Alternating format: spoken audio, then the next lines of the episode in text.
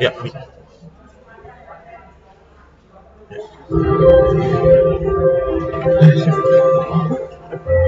Jangan update, jangan update lagi. Update lagi.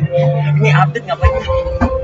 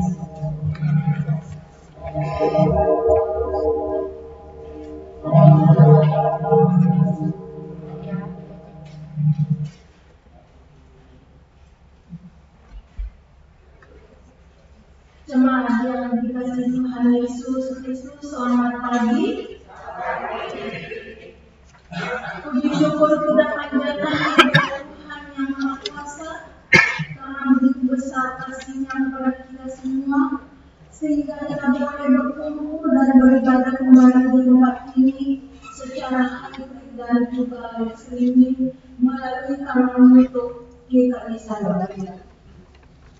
Bapak bagi Bapak Ibu Saudara-saudari yang baru pertama kali mengikuti ibadah dan juga live streaming melalui kanal YouTube GKI Salatiga, kami mengucapkan selamat datang dan selamat bergabung dalam persekutuan di DKI Salatiga. Pengobatan untuk hari ini adalah sebagai berikut. Kebaktian umum minggu biasa dan seksual forum untuk jemaah pada, pagi hari ini dilayani oleh Pendeta Emeritus Rudianto Jaya Kartika, Pendeta Emeritus GKI Pondok. Dua, kebaktian remaja selesai pada hari ini Minggu 24 September 2023 waktu pukul 0800 WIB tema God is always listening and understanding atau galau PR pengakuan Kristus yang mengalami masa itu Majelis pendamping para pokok Ayu Wandari tempat ruang ibadah remaja sekolah minggu Nusa Indah mohon perhatian jemaah. Pelaksanaan perjamuan kudus Salam jemaah dan Salam biar gua. Pada ibadah hari Minggu tanggal 1 Oktober 2009 2023, Majelis Jemaat akan kembali melayangkan perjamuan kudus bagi jemaah dan simpatisan yang menyambut undangan untuk mengikuti perjamuan ini. Sesuai umum jemaat dilaksanakan dalam ibadah hari Minggu tanggal 17 September dan 24 September 2023.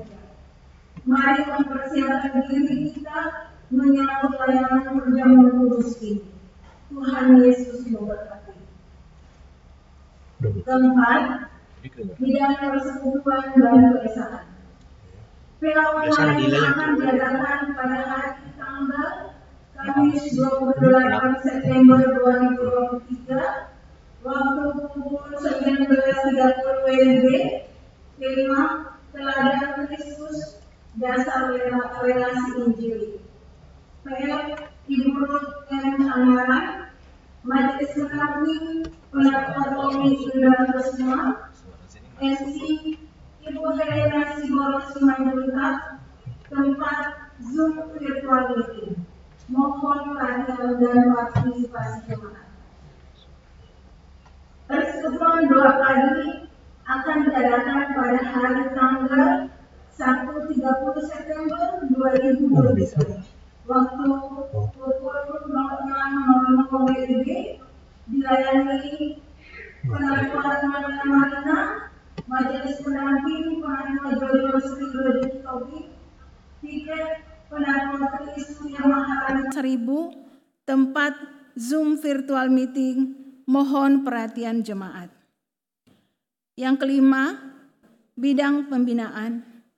PA Gabungan Komisi Pemuda GKI Sarwa Indah dan GKI Pamulang akan diadakan pada hari tanggal Sabtu 30 September 2023. Waktu pukul 18.00 WIB, tema Weekend Together, Weekend Together.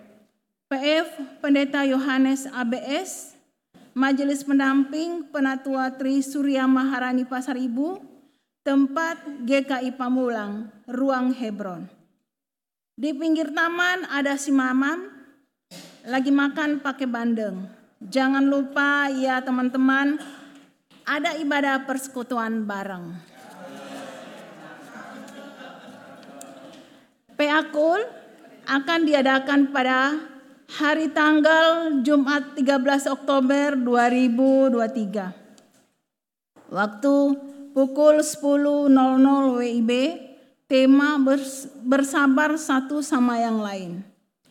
PE Pendeta Agus Wianto, Majelis Pendamping, Penatua Rosmina Daily, MC Ibu Evi K. Kosasi, tempat sekretariat GKI Sarwa Indah lantai 2. Mohon perhatian dan partisipasi jemaat. Panitia semester 2 pencarian dana. Salam Bapak Ibu, jemaat terkasih di dalam Tuhan Yesus Kristus, memasuki bulan keluarga, Minggu Advent dan Natal 2023, Panitia semester 2 akan mengadakan pencarian, pencarian dana dengan mengadakan penjualan makanan setiap hari Minggu di bulan September. Makanan yang dijual pada hari ini Minggu 24 September 2023 bubur manis. Mohon perhatian dan partisipasi jemaat. Demikian pokok-pokok warta untuk hari ini. Untuk lebih lengkapnya jemaat dapat membaca di warta jemaat dalam bentuk file PDF. Segenap majelis jemaat mengucapkan selamat beribadah Tuhan Yesus memberkati.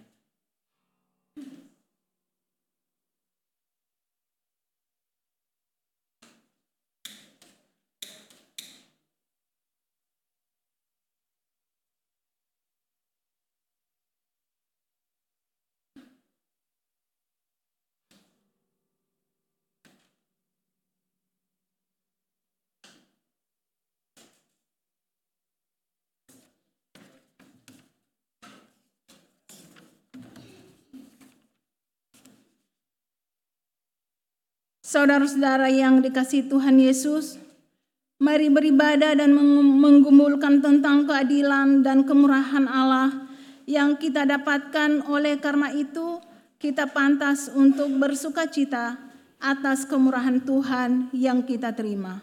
Mari puji dan sembah dia Allah pemurah. Umat saya undang bangkit berdiri. Kita akan menyanyikan KJ 8 bait 1 sampai 3 Bagimu Tuhan nyanyianku.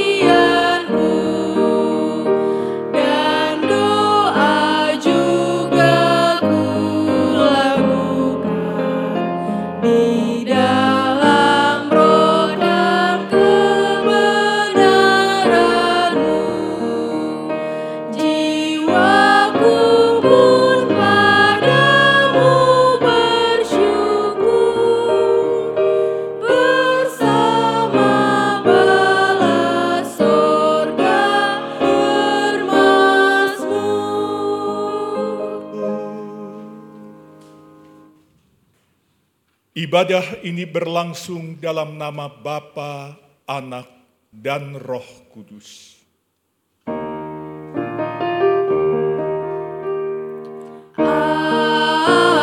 Amin. Amin.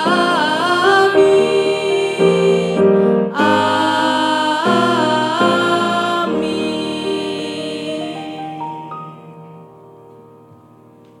Tuhan beserta saudara. Dan beserta saudara juga.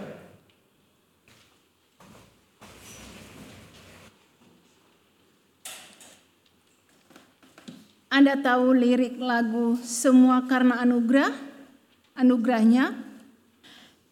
Lirik lagu ini ters- lirik lagu tersebut menekankan bahwa kita dipilih, dipanggil dan dipakainya bukan karena kebaikan, kepandaian, kekayaan, kecantikan dan kegagahan, melainkan hanya karena anugerah Tuhan. Perumpamaan Tuhan Yesus tentang hubungan kerja antara penggarap kebun anggur dan pemiliknya merupakan prinsip anugerah Tuhan dalam kerajaan surga. Pemilik kebun anggur menjanjikan upah satu dinar per hari bagi penggarap dengan hitungan waktu dari matahari terbit sampai terbenam. Penambahan penggarap pada jam 9 pagi 12 siang, jam 3, dan 5 sore untuk bekerja di kebun anggur, bukan karena kebun anggur itu terlalu luas untuk ditanami, melainkan karena banyaknya orang yang menganggur. Belas kasihanlah yang mendasari mengapa pemilik ang- kebun anggur memerintahkan mereka untuk bekerja di kebunnya. Bukan karena kecakapan ataupun pengalaman mereka dalam bekerja. Oleh karena itu, setelah jam kerja usai, upah pun dibagikan dengan sistem pukul rata. Maka muncullah rasa tidak puas di antara para penggarap kebun anggur, khususnya mereka yang telah bekerja dari pagi. Adilkah perbuatan pemilik kebun anggur itu? Adil? Kepada penggarap yang terdahulu sudah ada kesepakatan upah, sedangkan kepada penggarap-penggarap yang kemudian pemilik kebun anggur menyatakan kemurahan hatinya. Tuhan Yesus ingin mengajarkan kepada kita bahwa tidak seorang pun yang layak masuk dalam kerajaan surga hanya oleh anugerah Allah kita dihisapkan ke dalamnya. Oleh karena itu, tidak pantas menuntut Allah untuk membayar kesetiaan, kerajinan, bahkan buah-buah pelayanan kita seakan-akan kita be- berjasa bagi Dia. Kita akan mengangkat pujian dari PKJ 137 bait 1 sampai bait yang keempat. Pujilah Tuhan hai jiwaku.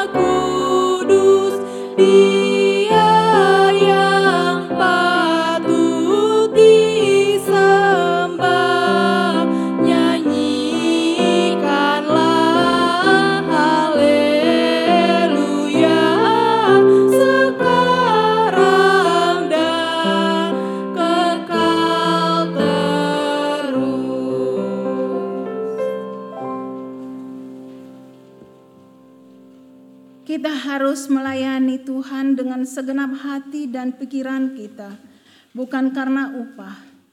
Lakukanlah dengan penuh ucapan syukur. Upah yang akan Tuhan berikan merupakan kemurahannya. Janganlah menuntut apabila iri hati, apalagi iri hati terhadap orang lain. Umat berdoa terlebih dahulu secara pribadi. Saya akan menutupnya dengan doa pengakuan dosa.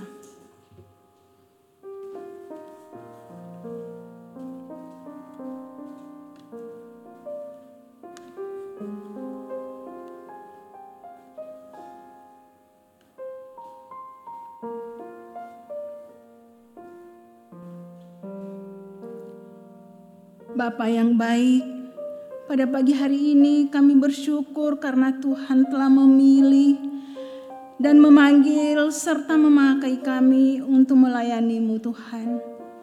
Bukan karena kebaikan, kepandaian, kekayaan, kecantikan, serta kegagahan kami, melainkan hanya anugerahmu semata. Tapi kami Tuhan melayani Engkau, banyak kekurangan kami ya Tuhan. Kami lebih mengedepankan kepentingan kami sendiri daripada melayanimu. Kami sering tidak taat. Kami sering melalaikan segala tugas-tugas kami. Ya Tuhan, kami mohon dengan kerendahan hati. Ampunilah kami ya Tuhan atas ketidakketaatan kami, atas kekurangan kami ya Tuhan. Ampuni kami ya Bapa. Layakkanlah kami di hadapan-Mu pada pagi hari ini. Hanya di dalam nama Tuhan Yesus Kristus kami berdoa. Amin.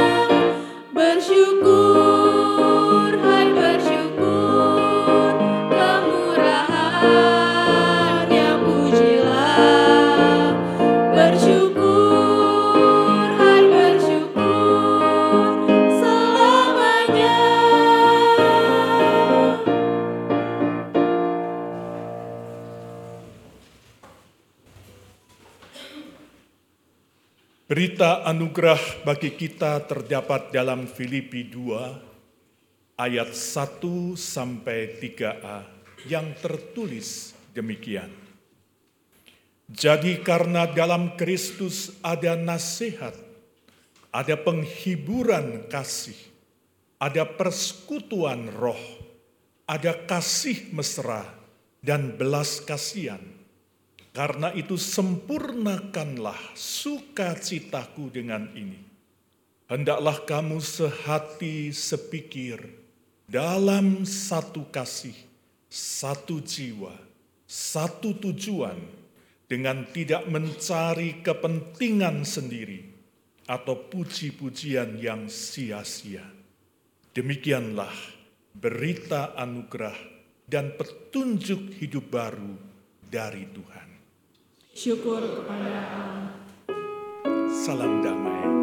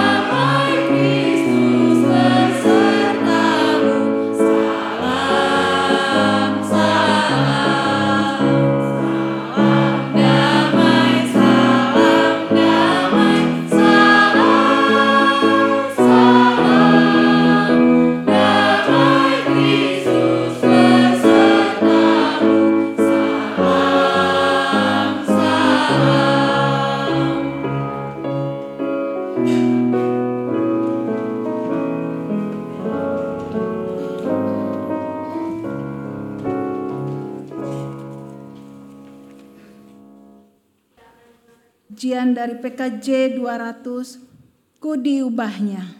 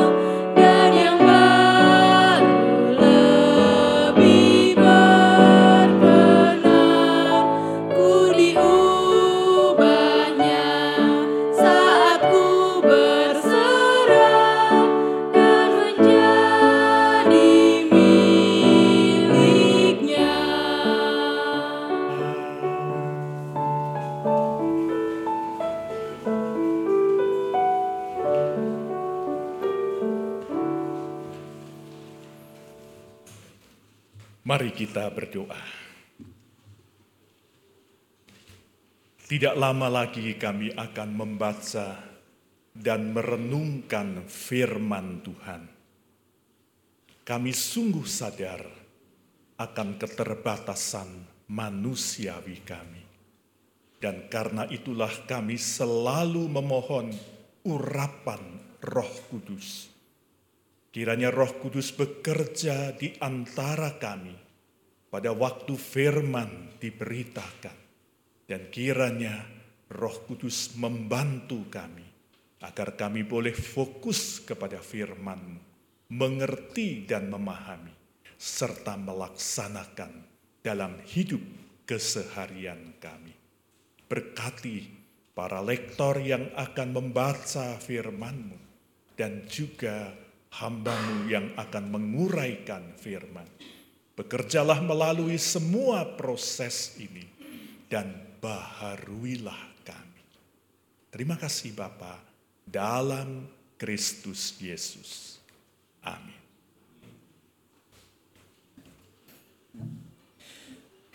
Pembacaan kitab diambil dari kitab Yunus pasal 3 ayat 10 sampai dengan pasal 4 ayatnya yang ke-11.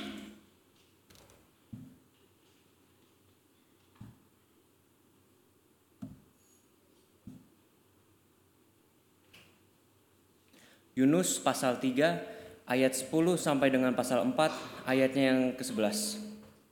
Ketika Allah melihat perbuatan mereka itu, yakni bagaimana mereka berbalik dari tingkah lakunya yang jahat, maka menyesalah Allah karena malapetaka yang telah dirancangkannya terhadap mereka, dan ia pun tidak jadi melakukannya.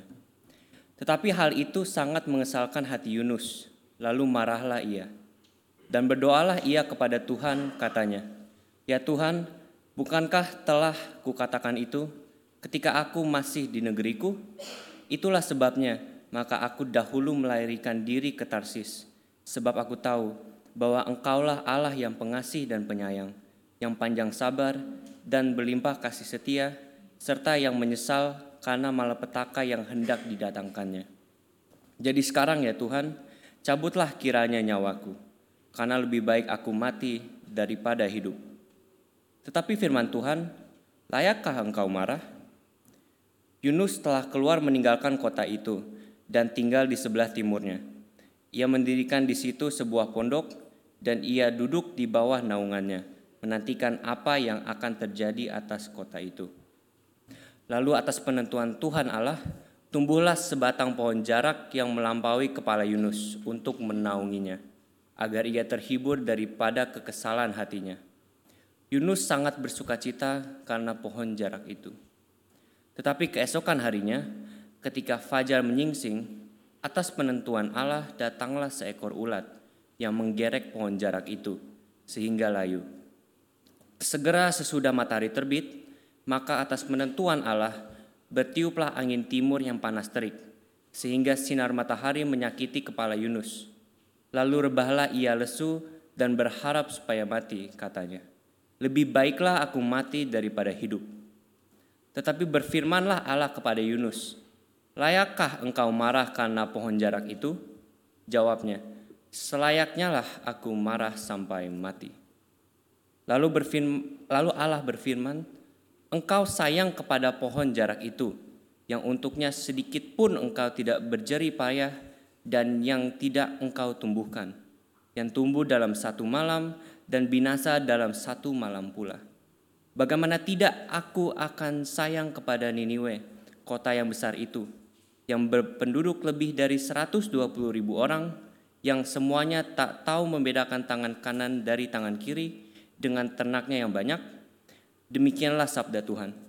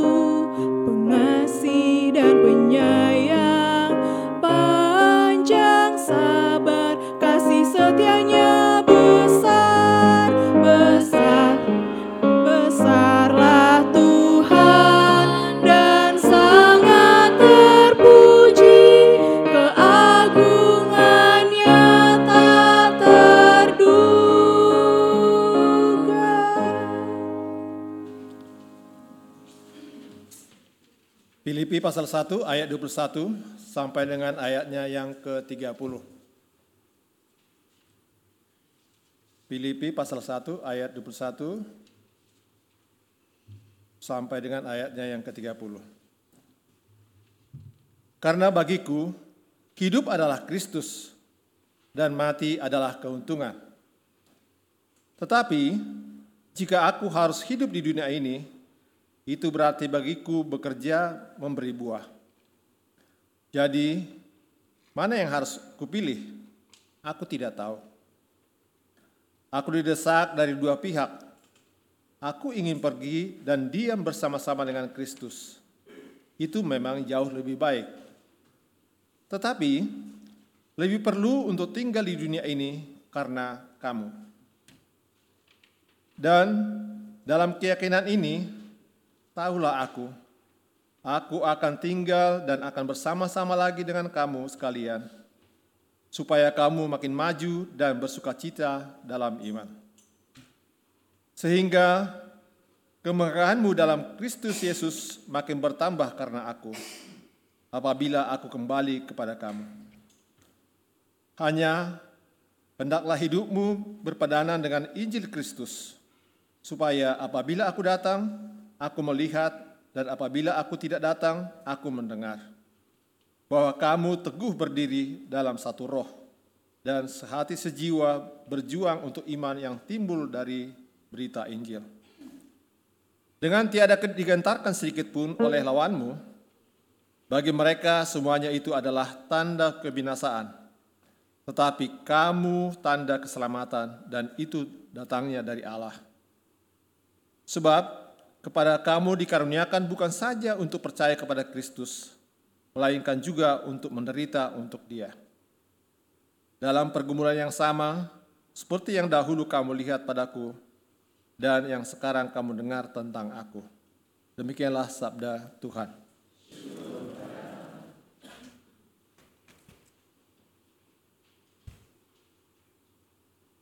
Pembacaan Injil Yesus Kristus diambil dari Matius 20 ayat yang pertama sampai dengan ayat yang ke-16.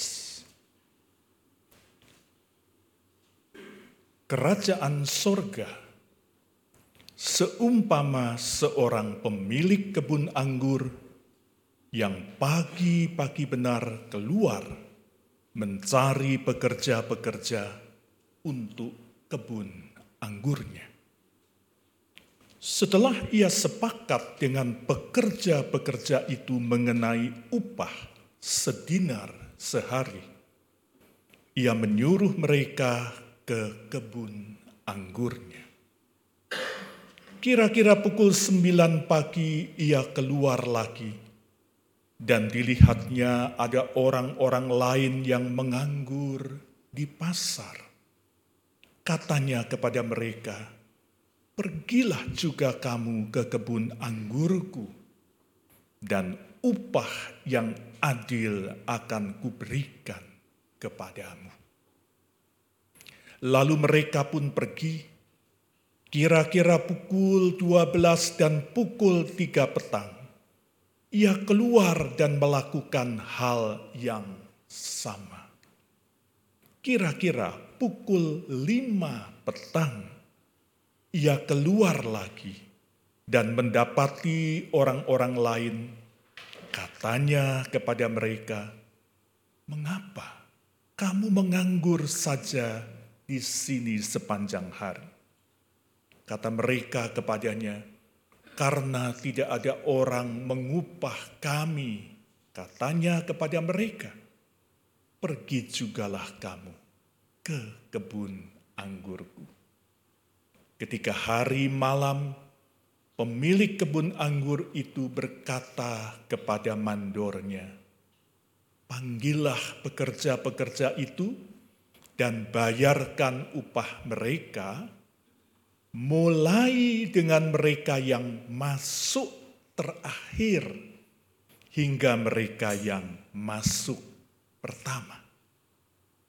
Datanglah mereka yang masuk kira-kira pukul lima dan masing-masing menerima satu dinar.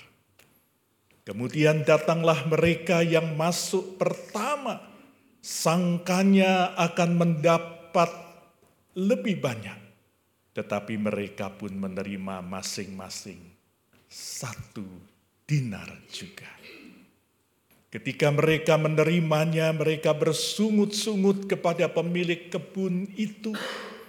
Katanya, mereka yang masuk terakhir ini hanya bekerja satu jam, dan engkau menyamakan mereka dengan kami yang sehari untuk bekerja berat dan menanggung panas terik matahari. Namun pemilik kebun itu menjawab seorang dari mereka, "Kawan, aku tidak berlaku tidak adil terhadap engkau. Bukankah kita telah sepakat sedinar sehari? Ambillah bagianmu dan pergilah. Aku mau memberikan kepada orang yang masuk terakhir ini sama seperti kepadamu." Tidakkah aku boleh mempergunakan milikku menurut kehendak hatiku?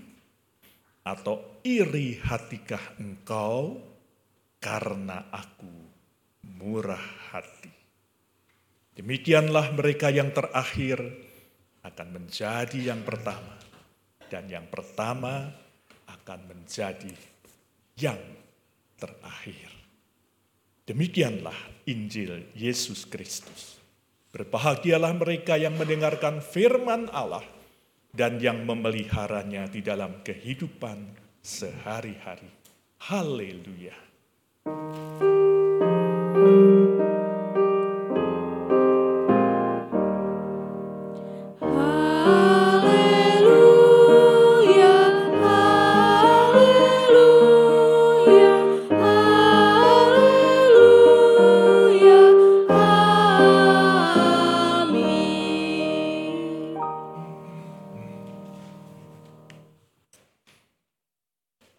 Jemaat yang dikasihi Tuhan, selamat hari Minggu.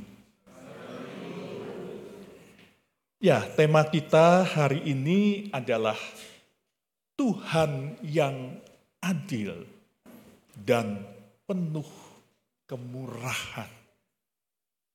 Mungkin beberapa teman-teman lalu sudah mulai berpikir, oh kira-kira Pak Pendeta akan menjelaskan kepada kami begitu ya tentang bagaimana Allah itu adalah Allah yang murah hati, Allah yang adil.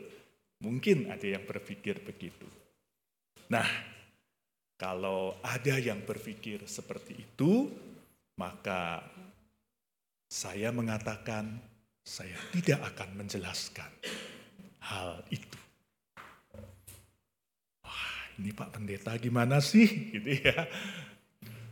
Judulnya saja sudah jelas, temanya jelas Tuhan yang adil dan penuh kemurahan. Lah kok di dalam khotbahnya tidak menjelaskan tentang Allah yang adil dan penuh kemurahan itu kan keliru. Saya mengatakan ya bisa saja diartikan keliru tetapi bisa juga tidak. Kenapa?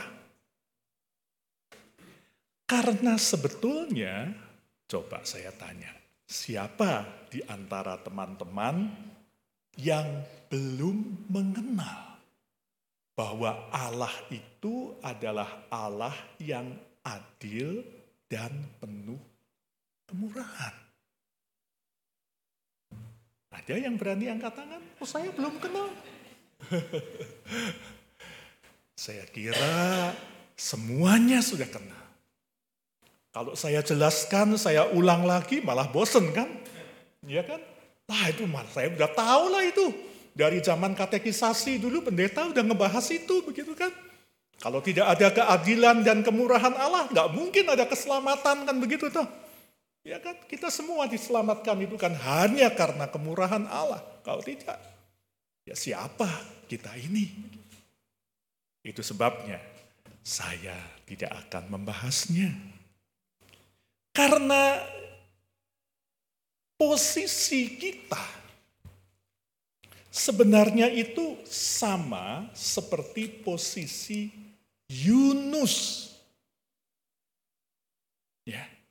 Nabi Yunus itu loh yang diminta oleh Tuhan untuk mewartakan berita bahwa Allah akan menghukum Ninawe. Lalu kemudian apa yang terjadi? Saya bacakan saja ya. Ketika Allah melihat apa yang mereka lakukan, bagaimana mereka berbalik dari tingkah lakunya yang jahat, menyesalah Allah atas malapetaka yang akan dibuatnya terhadap mereka seperti yang disampaikannya. Ia pun tidak jadi melakukannya. Lalu ayat 4, eh, pasal 4 ayat 1. Tetapi hal itu membuat Yunus sangat gusar dan marah. Ketika Allah berbalik dan tidak jadi menghukum Ninawe, Yunus marah.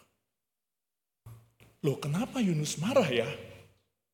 Apa Yunus belum tahu kalau Tuhan itu memang Allah yang murah hati? Nah kita lanjut tuh ayat 2. Lalu ia, maksudnya Yunus berdoa kepada Tuhan. Ya Tuhan, bukankah hal ini telah kukatakan ketika aku masih di negeriku? Itulah sebabnya aku dahulu melarikan diri ke Tarsis. Sebab aku tahu bahwa engkaulah Allah yang pengasih dan penyayang, panjang sabar dan berlimpah kasih setia, serta yang menyesal atas malapetaka yang hendak didatangkannya. Jadi pasal 4 ayat 2 dengan jelas mengatakan Yunus tahu kalau Allah itu pengasih, penyayang, murah hati, ya. Artinya apa? Artinya posisi Yunus itu sama dengan kita. Tadi kan saya minta siapa yang berani angkat tangan yang belum tahu kalau Allah itu e, murah hati, adil. Enggak ada kan yang berani angkat tangan. Jadi sama dengan Yunus gitu, ya. Jadi sebenarnya kita udah tahu kok. Kalau Tuhan itu murah hati, itu kita tuh tahu. Tapi persoalannya, nah ini yang saya mau khotbahkan. Persoalannya adalah apakah kita bisa menerima kemurahan hati Allah yang Allah tunjukkan kepada orang-orang di sekitar kita. Apakah kita bisa menerima ketika gereja ini dengan program semester 2-nya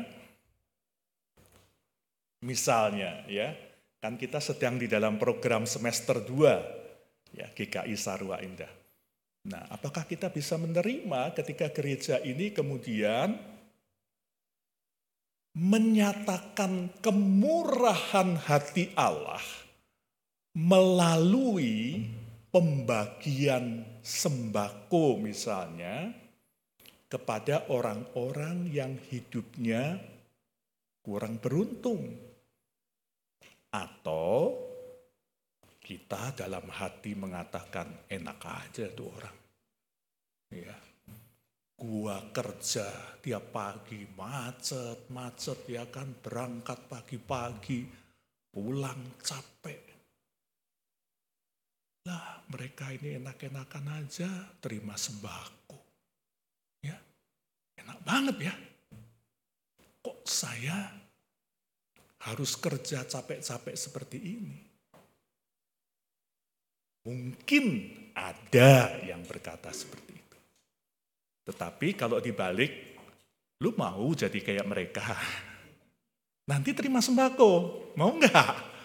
Nggak mau kan? Nah, itu kan persoalannya. Ya kan? Ketika gereja ini kemudian menyatakan kemurahan hati Allah kepada mereka yang sakit misalnya lalu kemudian membantu memberikan bantuan kepada mereka yang sakit ya tambahan biaya kita tahu pengobatan itu mahal mungkin aja ada yang ngomong juga. Tak aja ya sakit. Ya, namanya sakit sudah tahu. Memang sakit tuh ongkosnya mahal. Ya ya itu resikonya. Kan gitu kan resikonya. Ya gimana dong? Gereja bikin program bantuan kepada yang sakit. Nah, kalau begitu dibalik. Kamu mau sakit dulu kayak mereka, kan gitu toh. Dirawat dulu di rumah sakit sampai kehabisan biaya. Ya, karena ongkosnya begitu besar, pengobatannya butuh apa itu? Dana yang besar. Mau? Gak mau kan? enakan sehat lah. Ngapain sakit gitu kan? Nah, jadi kadang-kadang persoalan tema kita Allah yang adil dan penuh kemurahan itu adalah persoalan kemanusiawian kita. Kadang-kadang kita itu sering kali keliru mencampur adukkan memang dalam bahasa Indonesia tidak tidak tidak kelihatan ya. Tetapi di dalam bahasa Inggris itu ada kalau kita bicara tentang adil itu ada dua model, ada dua istilah yang muncul. Istilah yang pertama itu adalah fairness. Jadi adil itu fairness. Dan istilah yang kedua itu justice. Ya. Nah, kita sebenarnya sering kali masuknya itu di fairness. Ya, buktinya apa? Ya buktinya omongan kita kan sering kali muncul ya, nggak fair dong kalau begitu, nggak fair dong. Nah, kata-kata nggak fair ini adalah kita masuk kepada fairness. Kalau kita berada pada posisi pekerja yang pertama, kalau dari sisi fairness, ya memang nggak fair. Gitu. Kenapa? Lah kan namanya juga kita kerjanya lebih panjang. Ini cuman kerjanya satu jam, jam lima. Aturan Taurat itu sebelum maghrib, itu harus sudah selesai kerja, nggak boleh kerja lagi. Jadi cuma satu, satu jam aja kalau, kalau masuknya jam 5 itu kan maghribnya jam 6 kira-kira. Upahnya sama. Tapi kalau kita bicara justice, nah keadilan Allah itu tempatnya di sini. Ya. Keadilan Allah itu selalu berbaur dengan kemurah hatian Allah kasih Allah. Ya. Itu selalu menyatu, karena itulah bagian dari jati diri Allah. Nah, ketika kita bicara kemurah hatian, maka apa yang dilakukan oleh tuan pemilik kebun itu bukanlah sesuatu yang tidak adil, karena sang tuan itu memenuhi hak dari yang pekerja pertama. Disebutkan loh di dalam bacaan tadi, khusus untuk yang pertama itu janjian dulu. upahmu satu dinar ya, setuju enggak? Setuju, ya udah. Tapi untuk yang berikutnya, yang jam jam 12, jam, jam, jam 3, jam 5, itu enggak ada perjanjian. Pokoknya aku akan kasih upah gitu. Dan ternyata Tuhan dengan kemurah hatian memberikan upah yang sama. Nah, saudara-saudaraku, kita lanjut ya. Berbicara bacaan kita pada hari ini, bacaan kita ini menarik. Karena tiga bacaan kita, Yunus, Injil, dan Filipi, itu berbicara tentang seorang pekerja. Di dalam Injil jelas sekali ya, para pekerja ini perumpamaan, tetapi sang tuan pemilik kebun itu jelas mewakili Allah. Ya.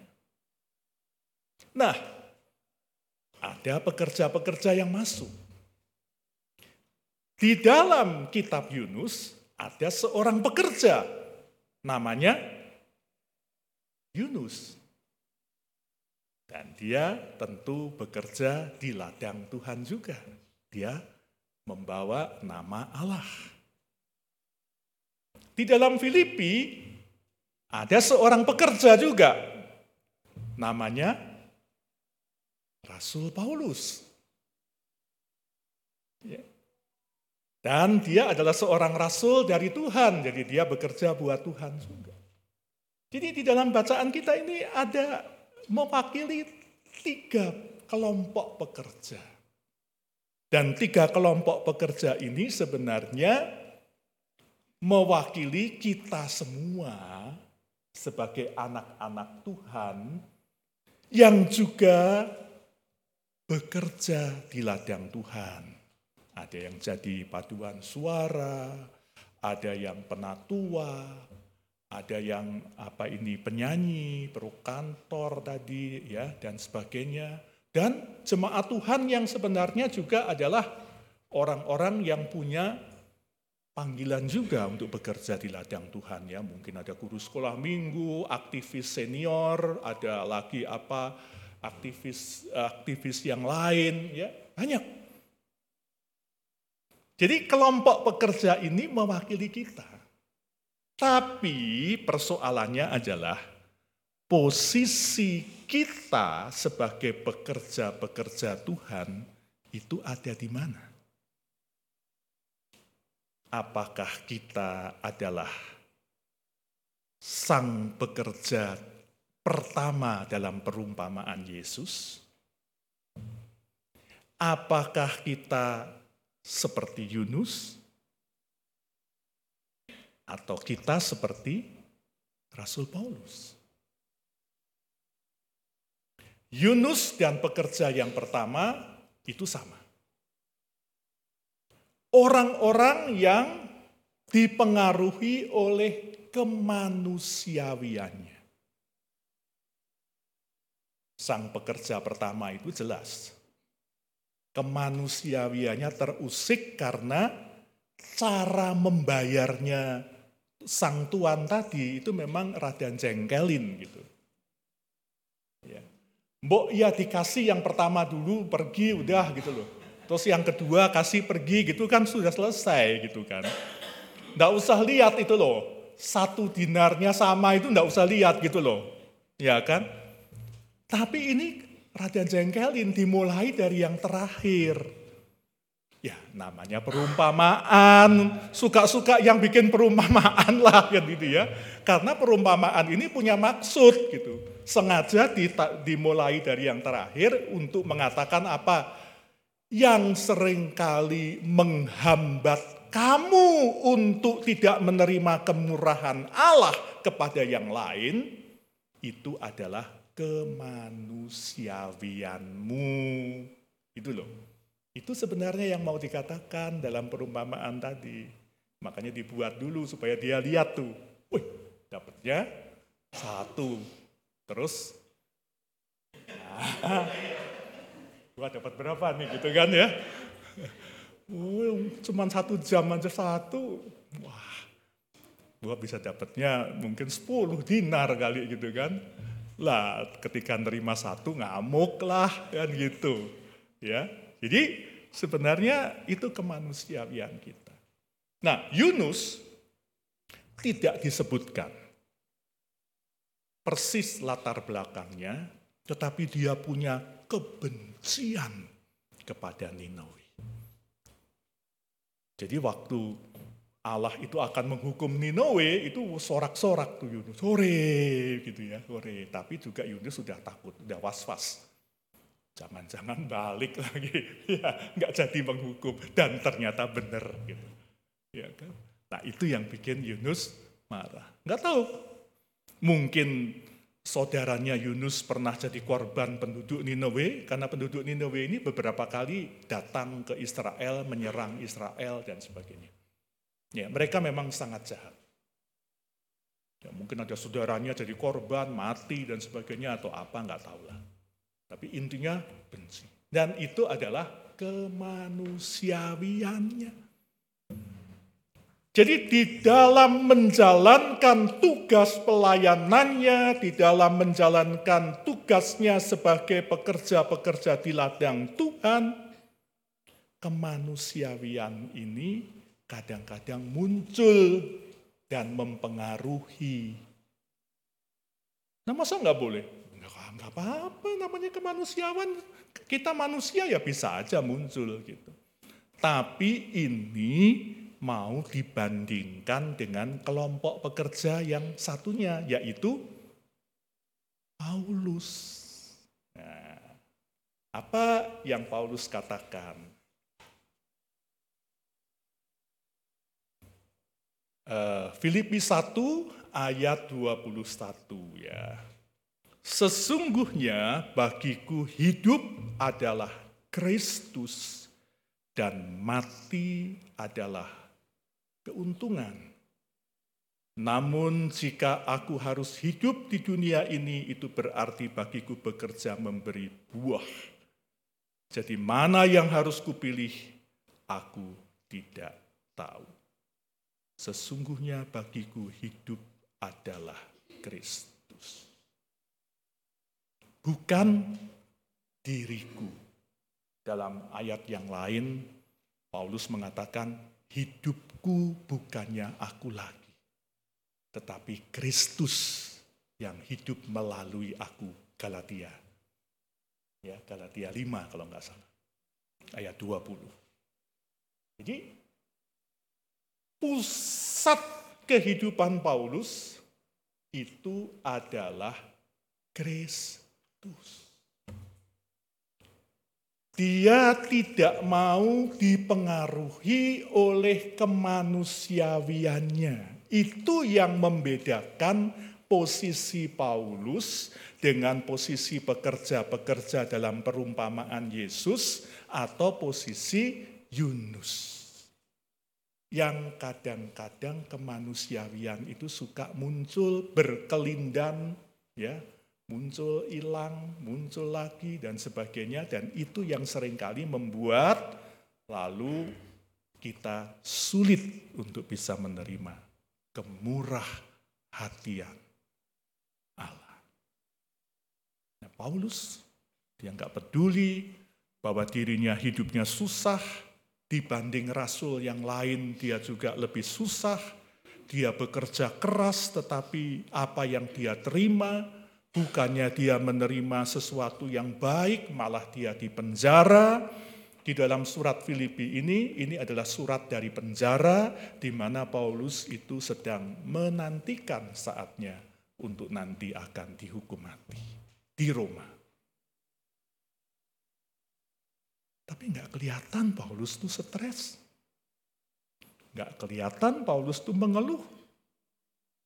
Nggak kelihatan Paulus itu membanding-bandingkan dirinya dengan Yohanes misalnya. Ya, satu-satunya rasul yang tidak menjadi martir itu Yohanes. Ya, satu-satunya.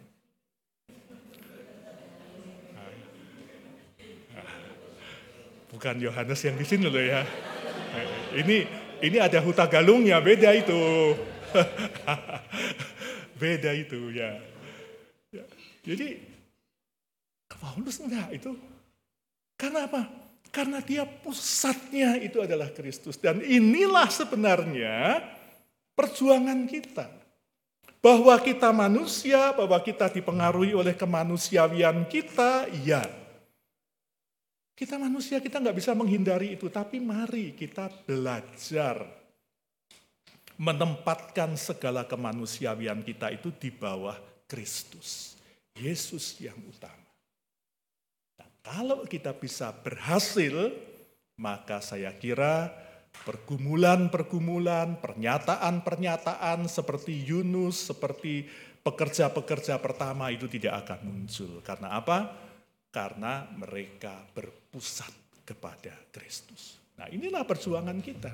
Inilah berita yang saya mau bawa. Ajakan, ayo kalau kita bekerja di ladang Tuhan, mari kita tinggikan Yesus dan letakkan Yesus di bawah kemanusiaan kita. Bahwa kita manusia, ya sering mempengaruhi, muncul dan bikin kita jealous, bikin kita marah, iya. Ya. Tapi belajarlah menempatkan Kristus. Ya. Jadi kalau bikin program Sarwa Indah 2, ya semester 2, kalau ada program-program kemurahan hati Allah, maka tadi kadang-kadang kita suka terganggu gitu ya. Kok enak banget ya ini, ini. Loh, namanya namanya kemurahan hati itu pasti ya kelihatannya enak. Kelihatannya enak gitu loh. Ya jam 5 dapat satu dinar apa nggak enaknya gitu loh. Tapi sebenarnya nggak enak. Kenapa? Dari pagi sampai jam 5 tuh nganggur dan mereka stres, mereka nggak bisa makan dan bahkan mungkin mulai kehilangan pengharapan, udah mulai udah mulai maghrib ya. Jangan-jangan nggak dapat kerja, gua makan apa gitu. Jadi sebenarnya nggak enak mereka itu. Tapi karena kita menilai dari sisi kita, ya itulah yang muncul ya. Kok enak banget gitu. Ya. Jadi itu yang saya pesankan ya. Kita harus terus belajar, belajar menempatkan eh, diri kita sebagai pekerja di ladang Tuhan dan fokus kita hanya Tuhan. Teman-teman saya ini apa ya? Saya ini pendeta yang uh, punya spesialis gitu ya. Spesialisnya itu terbentuk begitu saja, nggak tahu nih teman-teman kok selalu menempatkan saya pada posisi ini gitu. Spesialisnya apa? Spesialisnya itu menangani pendeta bermasalah. Udah banyak sekali yang saya tangani, banyak sekali. Benar, banyak sekali. Ya.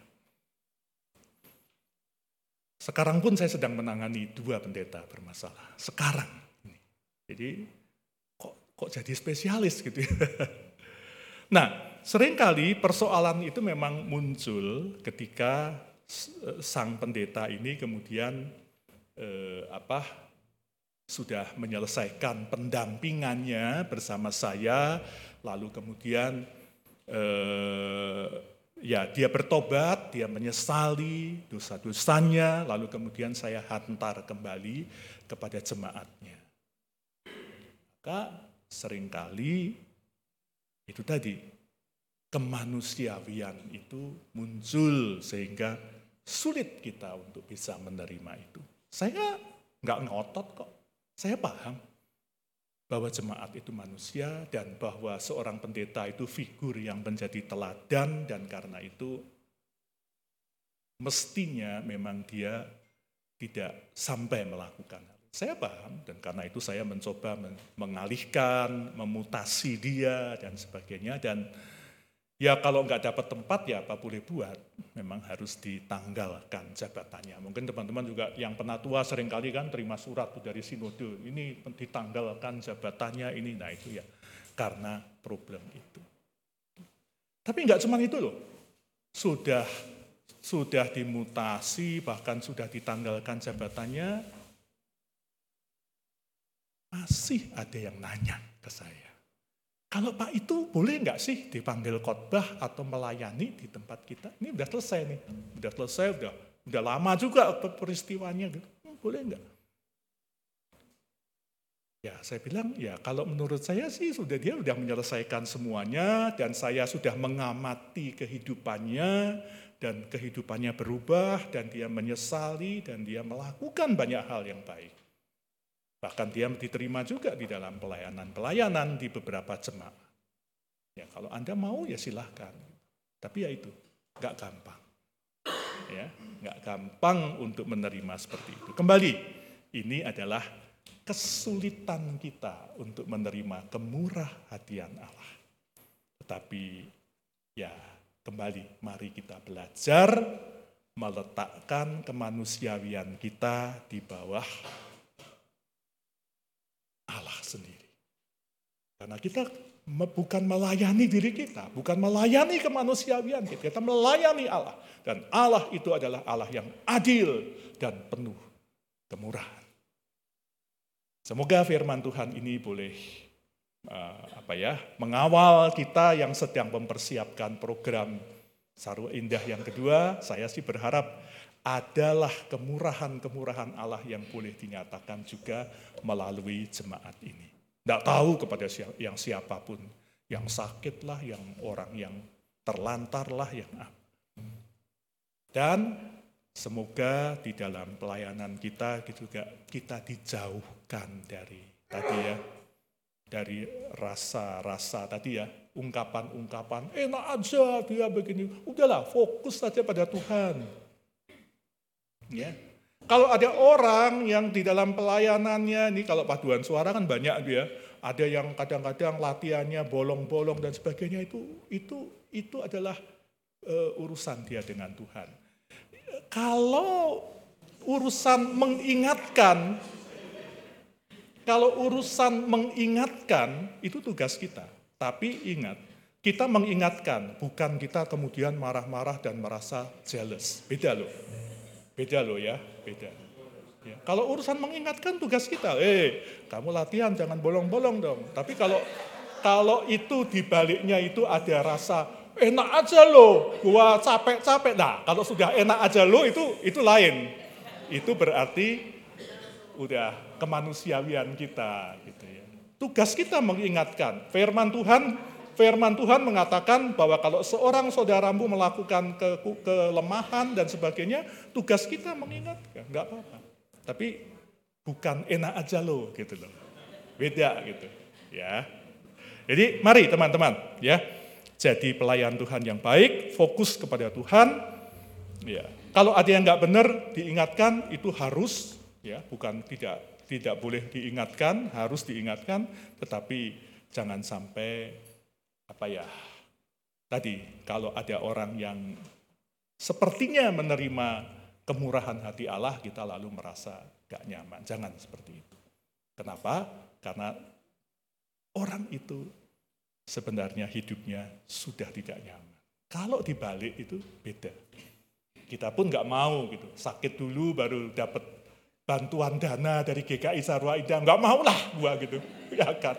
Emangnya enak sakit kan nggak begitu.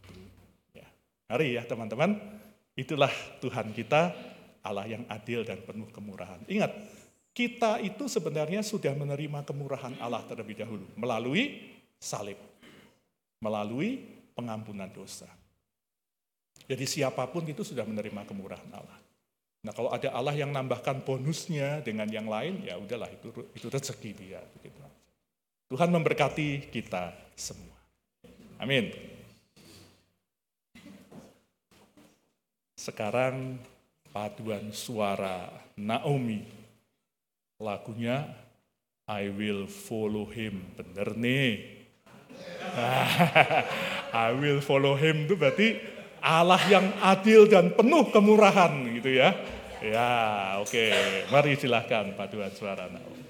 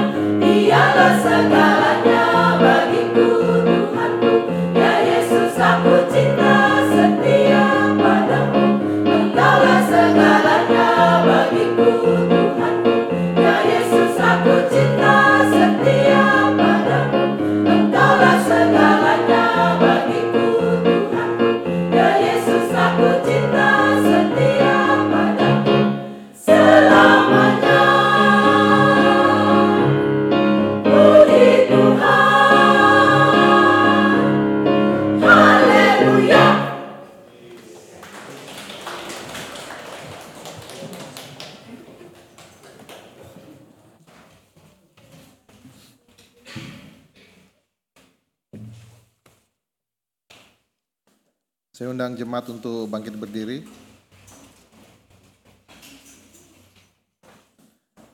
Marilah kita bersama dengan umat Allah di masa lalu, masa kini dan masa depan mengingat pengakuan pada baptisan kita menurut pengakuan iman rasuli.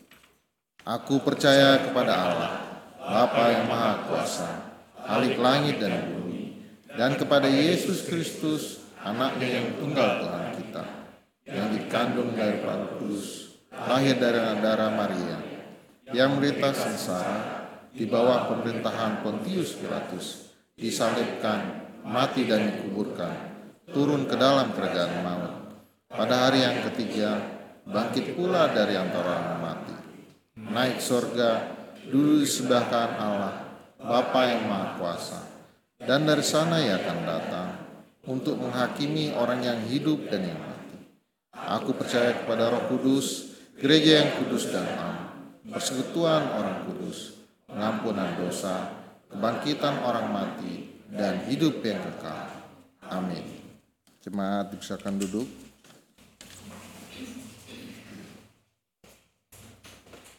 Pada tanggal 1 Oktober 2023, kita akan merayakan perjamuan kudus sedunia.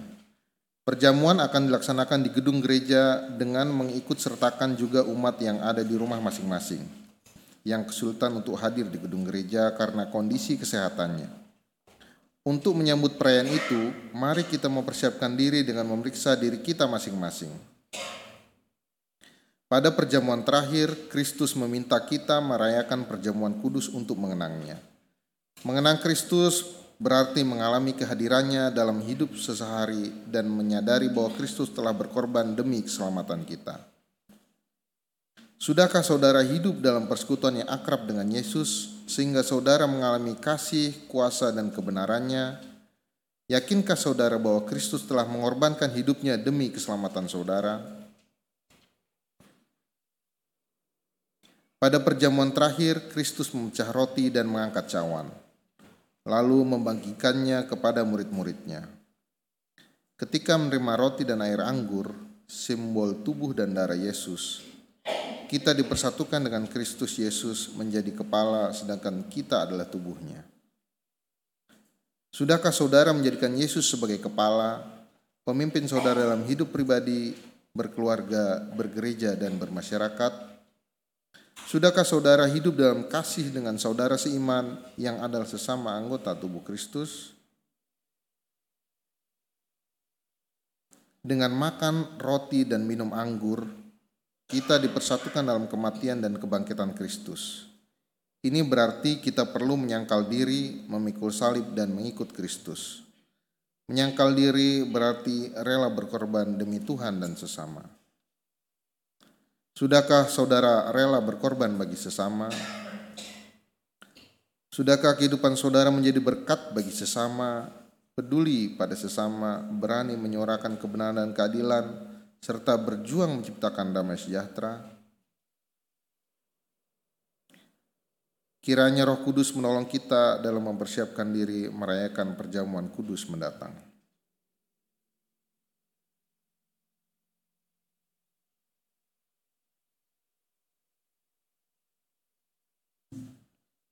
Kita satu dalam doa. Bapa kami dalam surga, Bapa yang senantiasa hadir di tengah-tengah persekutuan kami, GKI Sarwa Indah. Pada pagi hari ini ya Tuhan, kami datang ke hadapan hadiratmu, membawa akan lahan kami di jalan Sukabakti 2, Dusun 3, Sarwa Indah kami menyerahkan segala usaha yang kami lakukan sampai saat ini ya Tuhan, khususnya di dalam mengurus administrasi kepemilikan lahan tersebut ya Tuhan, sehingga kami bisa melakukan hal-hal dan rencana-rencana selanjutnya. Berkati majelis jemaat ya Tuhan yang senantiasa mengusahakan untuk mendapatkan dan mengurut mengurus administrasi ini sampai selesai ya Tuhan. Berikan kami kesabaran dan kebersamaan hati ya Tuhan. Kami juga berdoa untuk gereja di Nusa Loka ya Tuhan. Berkatilah panitia yang sampai saat ini terus bekerja ya Tuhan. Khususnya dalam pembangunan fisik gedung gereja Nusa Loka Kiranya semua proses termasuk pencarian dana boleh berjalan dengan baik ya Tuhan. Itulah doa kami dan pengharapan kami ya Tuhan. Dalam nama anakmu Yesus Kristus kami memohon.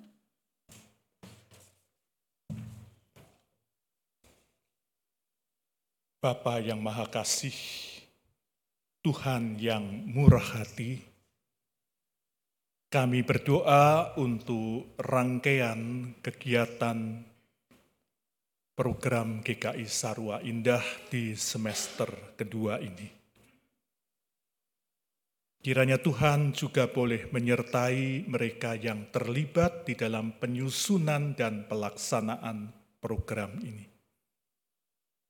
Dan biarlah di dalam anugerah Tuhan, maka anugerah dan kemurahan hati Tuhan juga boleh hadir melalui program-program pelayanan GKI Sarwa Indah kepada yang lain. Kepada masyarakat di sekitar, kepada mereka yang kekurangan, kepada mereka yang sakit, sehingga sungguh kami bukan membawa diri kami, tetapi kami membawa dan memperkenalkan Tuhan yang kami sembah sebagai Allah yang adil dan murah hati.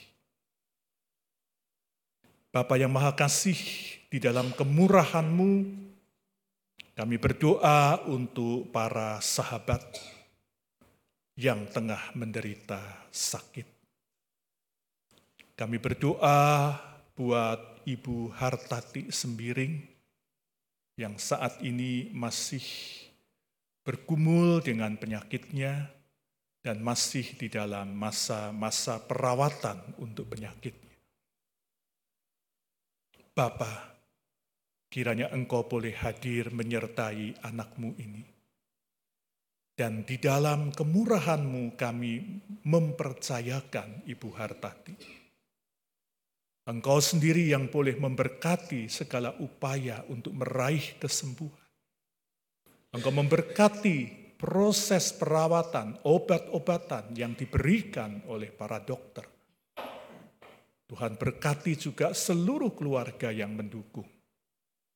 Dan biarlah di dalam anugerah Tuhan, maka melewati perjuangan dan perawatan ini, Ibu Hartati juga boleh meraih kembali kekuatan dan kesehatannya. Kami mempercayakan sahabat kami ini ke dalam rangkulan tangan Tuhan. Begitu juga untuk para sahabat yang di dalam pemulihan. Ibu Mami Palon, Ibu Hana Panjaitan, Ibu Yulia Kristianti, Bapak Kristian Hutagalung, Ibu Nike Elizabeth Buki, Bapak Wahyu Hidayat, Ibu Yohana Triani, Ibu Maria Magdalena, Ibu Tambutan, yaitu ibu dari Ibu Tiara Panggabean, Bapak RC Siagian, Bapak Rudi Pasaribu, Ibu Sri Herawati Hutasoid, Ibu Sara Jaya Sumadi, Ibu Irna Kurniarini Siadari, Bapak Raffles Simamora, Bapak Hotman Hutapea, Ibu Ruslina Limbong Sagala, Bapak Liston Siagian, Bapak Joni Mulyono. Bapak, kami mempercayakan para sahabat kami ini bersama nama-nama lain yang belum dapat kami sebutkan, tetapi Tuhan mengetahuinya. Bapak kiranya engkau melimpahkan kasih dan anugerahmu di dalam masa-masa pemulihan ini. Dan biarlah di dalam kasih dan anugerah Tuhan, maka para sahabat kami ini juga boleh dapat menjalani hari-harinya dengan terus bersandar dan berjuang bersama Tuhan. Dan biarlah di dalam anugerah Tuhan, maka semua perjuangan ini boleh bermuara pada pemulihan fisik dan juga situasi kehidupan yang semakin membaik. Kami mempercayakan para sahabat kami ini tangan kasih karunia Tuhan yang juga merangkul mereka pribadi lepas pribadi.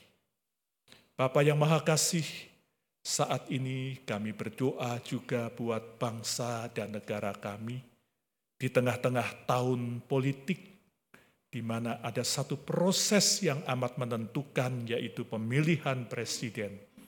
Maka kiranya Tuhan juga ikut campur tangan Tuhan bekerja melalui anak-anak Tuhan yang bertanggung jawab untuk memakai hak pilihnya Dan kiranya Tuhan menuntun setiap anak-anak Tuhan sehingga mereka boleh memilih apa yang terbaik. Pilihan-pilihan yang terbaik yang memperjuangkan kebaikan Indonesia dan bukan kebaikan kelompok. Yang jauh dari segala hal-hal yang saat ini mengganggu Indonesia seperti korupsi, radikalisme, dan juga berbagai macam persoalan kenegaraan yang lain yang sungguh-sungguh berani me, berani melawan segala hal-hal yang tidak baik itu. Bapa, kami mempercayakan proses pemilihan umum di bulan Februari 24 juga eh, pemilihan untuk anggota-anggota DPR. Tuhan kiranya Engkau terus juga menyertainya sehingga orang-orang yang terbaik yang juga boleh muncul bahkan partai-partai yang baik yang mungkin saat ini belum muncul tetapi pada akhirnya bisa muncul dan menjadi cara Tuhan bekerja melalui mereka. Bapa yang Maha Kasih, kami berdoa untuk eh, panitia bulan keluarga yang mestinya sudah ada, mereka yang bertanggung jawab untuk eh, merayakan bulan keluarga bersama-sama dengan jemaat. Tuhan berkati semua program-program yang juga telah disusun, yang dibuka dengan perjamuan kudus sedunia. Tuhan berkati perjamuan kudus, kami telah melakukan sensura morum, Tuhan membantu kami untuk kembali memeriksa hati kami, dan biarlah dengan hati yang bersandar, hati yang berserah kepada Tuhan, kami boleh maju ke meja perjamuan Tuhan dan kami boleh menerima anugerah dari meja perjamuan Tuhan itu. Bapak ada banyak hal lain yang kami pikirkan untuk didoakan. Kami mau merangkum semuanya di dalam doa yang Tuhan ajarkan kepada kami.